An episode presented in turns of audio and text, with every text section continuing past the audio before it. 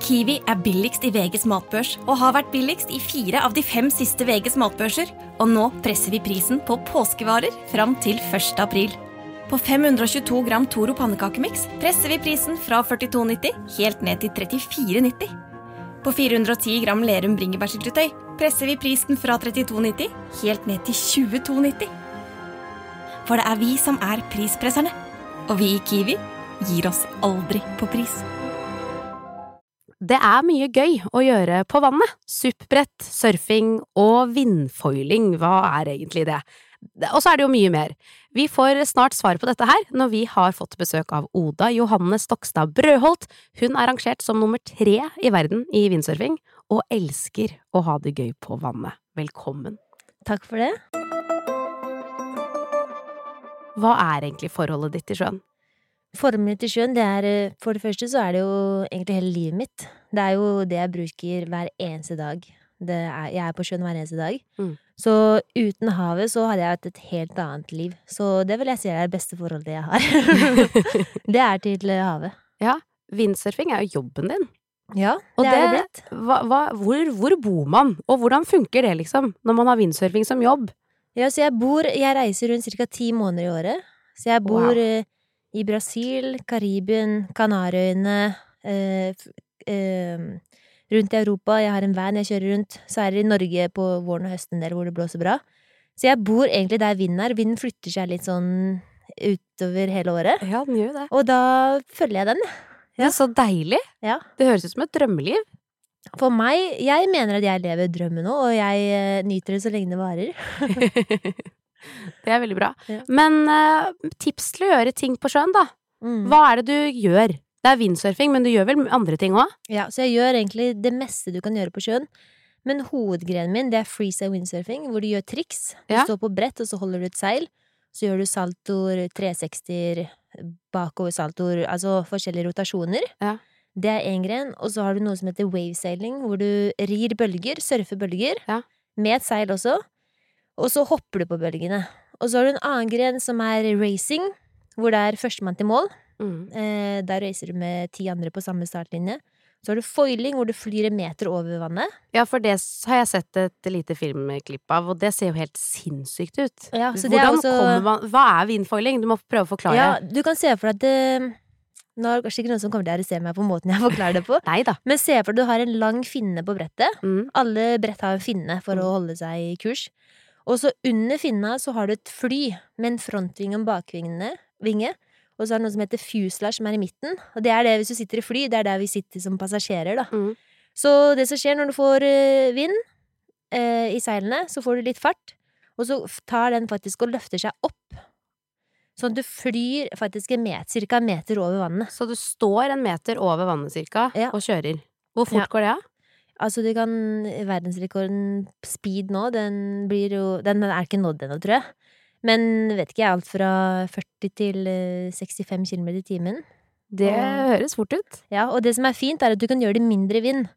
Når du ikke får ordentlig fart på vanlig vindsurfing, så faktisk kan du foile i veldig lite vind. Så da trenger du ikke å følge vinden helt, da, Ja, du kan være heller altså, Du kan følge den mindre, men du kan Ja. få flere dager på vannet, da. Ja. Det er derfor vi begynte med foiling. Det er at du kan ha flere dager på vannet. Ja. Men nå har det blitt så eh, altså high-tech utstyr at nå kan du gjøre, bruke det kjempemye vind også. Mm. Og kanskje det er mer effektivt. Men du bor i en van, da, egentlig. Store Altså- deler av tiden. Eh, Det er sånn, I fjor, for eksempel, gjorde jeg fire roadtripper rundt i Europa. Ja. Så da bor jeg den og cruiser rundt eh, til konkurranse med den, Ja. og treningsleirer og sånn. Men jeg bor jo ikke Stort sett bor jeg i leiligheter rundt omkring i verden. Ja. Ja. Men bo, reiser du alene, eller er dere en gjeng? Vi er en gjeng. Jeg pleier å reise med Sarakita Ofringa fra Karibien. Hun er den som er best i hele verden, i alt. Så da har jeg alltid noen som er bedre enn meg. Sånn at jeg hele tiden har noe å streve etter. Ja. Eneste problemet er at hvis jeg blir bedre, så blir hun også like god. Ja. Så da blir gapen like stor. Men sånn generelt sett så tror jeg vi løfter kvinneidretten, bare det at vi er et team. Og pushe grenser egentlig hver eneste dag. Prøver i hvert fall. Hva er det dere gjør når dere er ferdig med, med en økt? Hvis dere bare er ute og trener eller har konkurranser, hva er det dere gjør etterpå for å liksom slappe av? Hvordan koser dere dere? Ja, det er å Vi filmer veldig mye, da. Ja. Når vi seiler, så vi filmer hverandre. Vi ser mye på video og analyserer og sånn. Det er nesten sånn at jeg koser meg da. Ja, du Jeg jobber egentlig å- hele tiden. Gjør egentlig det. Ja. Eh, men så er det jo det å se på dumme standup-show på YouTube og Ja. slappe av litt sånn. Men vi gjør Jeg føler at jeg liksom alltid har noen prosjekter på gang, så det jeg jobber med litt nå, er egentlig det at når jeg tenker nå skal jeg slappe av, skal jeg faktisk prøve å slappe av og ikke alltid se på et windsurfing-triks istedenfor. Ja, Så- det kan sikkert være lurt, det, å få hodet Det kan nok være lurt, men jeg vet ikke, det er en sånn addiction. Ja. Ja. Du lever jo drømmelivet og reiser rundt og gjør akkurat det du elsker å gjøre. Men hva kreves det av deg sånn rent mentalt, da, for å holde deg på topp hele tiden? Ja, det er kanskje litt sånn klisjé sånn 'å, jeg må være bedre enn gårsdagen', men det er jo akkurat det det er. Hvis du på en måte har én grense på ting du Ok, nå nådde jeg ditt, og så da er du jo komfortabel der, da. Og hvis du holder deg i komfortsonen, så da klarer du ikke å holde deg i toppen. Du må hele tiden over den grensa hvor du er komfortabel. Og det er faktisk når du er ukomfortabel over komfortsona, det er da du utvikler deg. For hvis det var eh, skummelt i dag, så er det litt mindre skummelt i morgen. Og neste uke så er det sånn du gjør det på autopilot, og da kan du se på neste triks, for eksempel. Fordi første gang jeg skulle prøve min første 180, jeg var livredd. Mm. Og første gang jeg sto på brettet uten mye vind i seilet, jeg var livredd, for det var svart hav. Ja. Det var sånn, Jeg ville aldri hoppa i havet, liksom. Det var, sånn, jeg, det var derfor jeg var litt god på å stå på brettet, for jeg var redd for å falle i vannet. Ja. Og nå er jo det i mitt Jeg føler meg jo trygg i vannet nå. For jeg har gjort det. Jeg var Husker det at eh, når vi hadde svømming på barneskolen, så var jeg den eneste i klassen som hoppa liksom holdt meg for nesa, for jeg likte ikke å ha vann oppi systemet der, da. Mm. Det var liksom sånn Og jeg tror første windsurfingbildet så faller jeg av bettet, og reaksjonen min er at jeg holder meg for nesa. Og så noen år etterpå så konkurrerer jeg i worldcupen, bare fordi jeg på en måte Fra det å være egentlig ganske redd for vann, til å ha det som eh, levebrød, da. Det er kanskje den største mestringsfølelsen jeg har følt på, for jeg var faktisk en som var litt redd for vann, og nå elsker jeg det. Mm. Um, og nå må jeg ta på en måte den reddheten jeg hadde der, det må jeg ta med meg inn i hvert triks. Ja. Hvor istedenfor å tenke sånn å, når jeg er redd, så tenker jeg heller jeg går teknisk inn i hvert triks. Så det som kreves av deg for å utvikle deg, er at du må følge den oppskriften på hvert triks. Og så må du følge oppskriften, stole på prosessen, og da utvikler du deg. Ja. Og um, det prøver jeg å ta med meg i andre ting også, om det er om jeg skal lære å buldre en ny rute, eller om jeg skal lære, vet ikke en dans i Brasil. Altså, Mm. alt mulig, så prøver jeg å tenke litt sånn teknisk på det, og Ja. da blir frykten, den går litt bort. For hvis du følger oppskriften, så skal du jo egentlig i teorien lande det. Ja. Ja. Det er egentlig en fin leveregel. Så det er jo når det. du pusher grenser, Ja. at du utvikler deg. ja. Men du må pushe grenser på først og fremst en realistisk måte.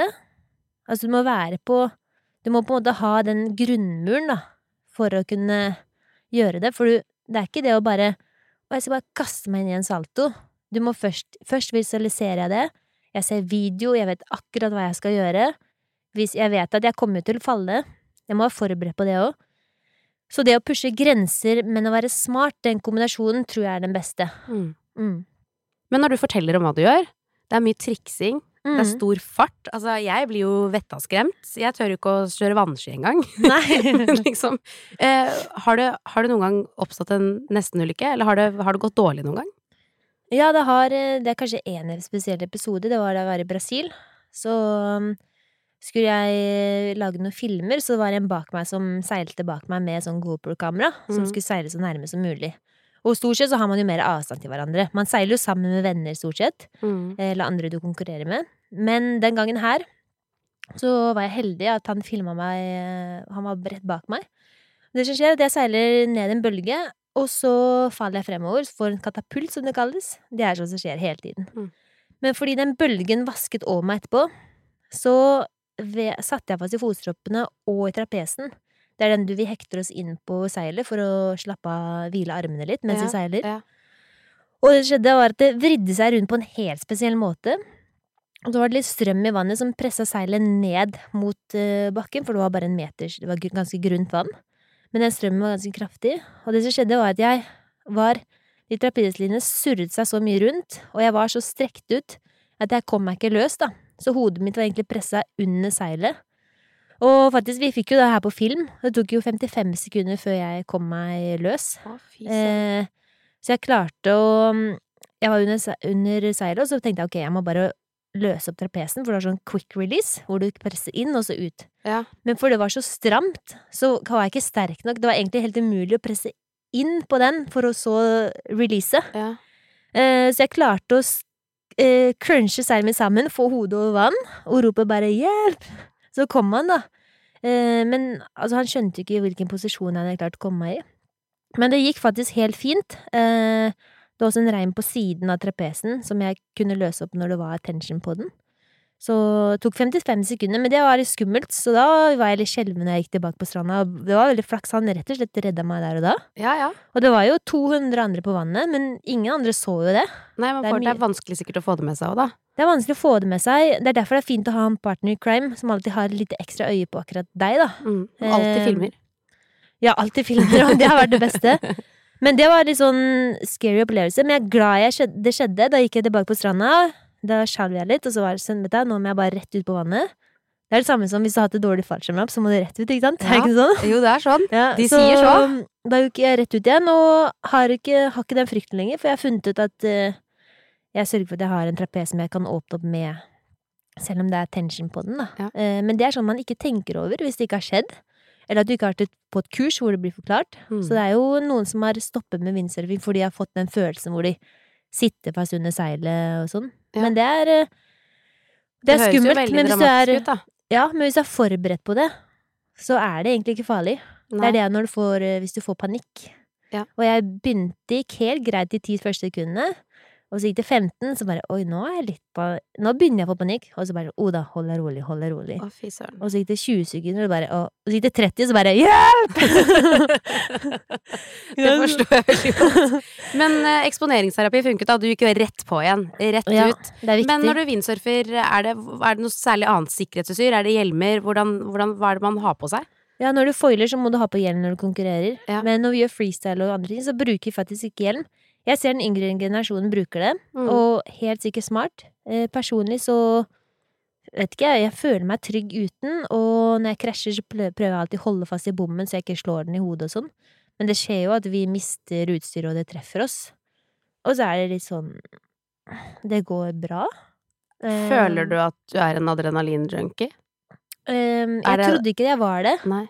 Men før jeg drev med windsurfing, så spilte jeg håndball i Eliteserien, og tenkte at eh, når jeg slutta med det for å gjøre windsurfing, da, så tror jeg kanskje adrenalin jeg hadde i håndballen, har jeg tatt eh, med meg videre i windsurfing. Mm. At jeg faktisk, hvis det går lange perioder hvor jeg ikke får seilt, så merker jeg at jeg mister meg selv litt. Og det er nok at jeg ikke har, får nok adrenalin, Ja. Eh, så jeg prøver å få det daglig. Så det blir jo den dagen jeg eh, ikke kan leve av det her lenger og må slutte med det, så kommer jeg sikkert til hitte... hitte shit, holdt jeg på å si. Hit shit. Hvordan man sier det? Gå på, gå på veggen fordi du ikke får det daglige adrenalinet. Du er konkurransemenneske, i hvert fall. Ja. Ja. Men for oss dødelige, vanlige folk, eh, meg som er kanskje litt i overkant eh, engstelig, eh, aldri vært noe sportsfreak, er det noe gøy vi kan gjøre på vannet? Hva er det du liksom tenker er sånn, ok, nå skal jeg ha en digg dag i båten eller Ja. ute ved vannet, Mm. eh, jeg vil ha med meg noe som er litt gøy. Ja. Supprett.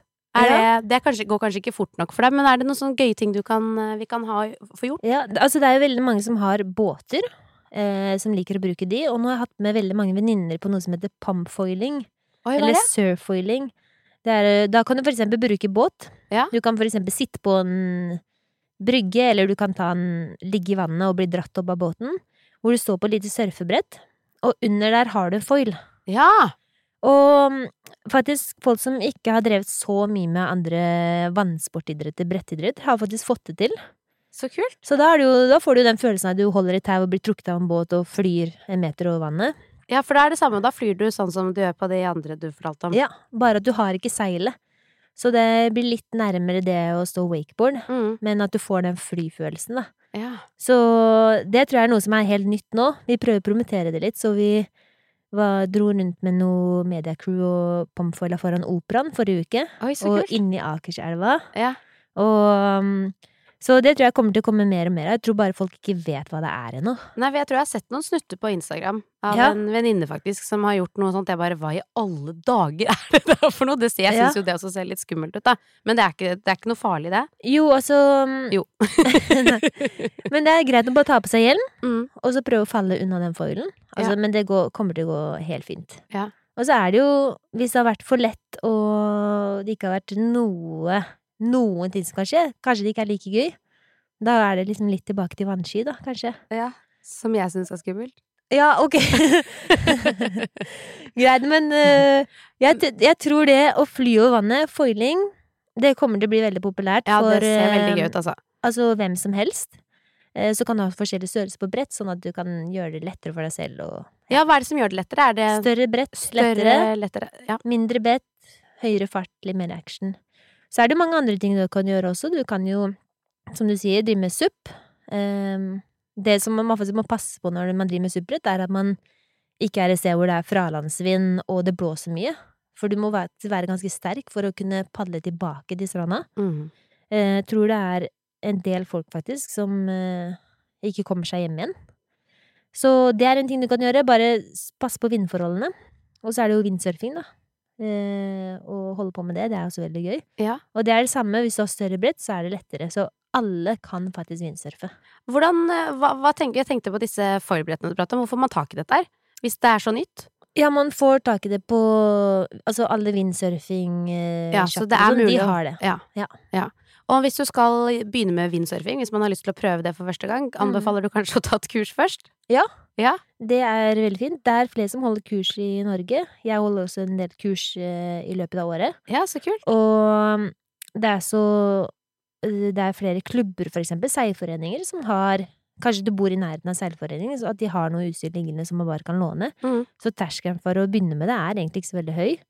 Bare ta med deg en venninne eller en venn og prøve å lære noe nytt. Ja, ja, Ja. Men er det noe man må tenke på før man begynner, liksom? Eller kan, man, kan jeg, som aldri har drevet med noe bredt før, bare sette i gang med windsurfing?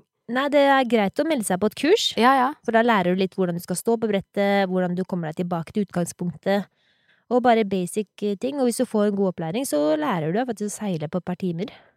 Det ser jo veldig kult ut. Ja, og jeg mener jo at alle burde oppleve den følelsen å bli dratt av vinden, Mm. Eh, for det er en helt sånn sjuk opplevelse. det tror jeg på. Ja. Oda, jeg spør alltid gjestene om det beste båtminnet du har. Ja, jeg har jo vokst opp med båt. Eh, både mamma og pappa og stemoren min hadde jo båt. Jeg tror det beste båtminnet var da vi var eh, fem i familien som dro på to ukers seilferie i, ja, i Norge og langs svenskekysten. Og så tenker jeg litt tilbake på nå, hvis jeg da visste hva windsurfing var og sånn, så hadde det vært helt vilt. Men jeg elska det å komme til nye havner hver dag. Eh, og jeg spilte håndball, så jeg har jo som tiåring var jeg jo helt gal etter det. Så jeg tror det er sånn når vi kom til nye havner og sånn, Mm. så tok jeg med meg den lille vettkofferten min. Ja. Når vi kom til Fjellbakka, tok jeg med en vettkoffert, sto bak et tre og løfta de vektene hvor jeg skulle trene håndball, ikke sant. Men hadde det kanskje vært nå, så hadde jeg gjort akkurat det samme. Seilt fra et sted til en annen, vært på en koster, ikke sant. Ja, ja, ja. inne, gått dratt til Fjellbakka, og så hadde jeg kanskje seilt, windsurfing, hatt det på dekk. Um, så det blir sånn neste gang hvis jeg skal få min egen båt, så ville jeg gjort noe sånt. Mm. Men det å dra på en sånn familietur, alle sammen bo i en båt sånn, det syns jeg var helt fantastisk. Det er veldig fint. Ja. Men når var det du begynte med windsurfing? Jeg begynte ganske sent. Det var, eh, jeg prøvde for første gang da jeg var 18-19 år. Ja. Ja. Og så, da jeg var 21, ferdig med studiene mine, så skulle jeg ta ett år hvor jeg skulle reise, da. Så jeg jobba to måneder i Norge så mye som mulig, tjente penger, Mm. og så reiste jeg to-tre måneder og windsurfet. Hvor reiste du da? Da dro jeg til um, Brasil Ja. og Cape Town og Kanariøyene det året. Fikk seilt masse. Og da blir man jo god. Ja, ja, Jo mer tid du bruker på ting, så blir du god, og da Og så ble jeg helt hekta, og så etter hvert fikk jeg sponsorer, så ble det mindre jobbing og mer seiling, da. Ja. Og sånn har det bare blitt. Det er helt fantastisk. Ja, jeg syns det har vært gøy. Det har vært sånn Det var ikke planlagt, på en måte. Det bare skjedde. Underveis. Mm. Ja. Hvor lenge ser du for deg at du kan holde på med dette her, da? Og jobbe og leve av det? Altså, så lenge jeg klarer å ha sponsorer som støtter det, så har jeg lyst til å kjøre på, egentlig. Jeg føler så lenge jeg har utvikling og sånn, og det gjør det jo ved å trene smart, um, og holder deg skadefri. Så det er vanskelig å si, egentlig, men jeg føler at jeg på en måte er eh, i en god alder nå, da. Og fortsetter å lære mer. Det er veldig inspirerende. Oda, tusen hjertelig takk for at du var gjest i Sjøliv. Takk for at jeg fikk komme. Det var hyggelig.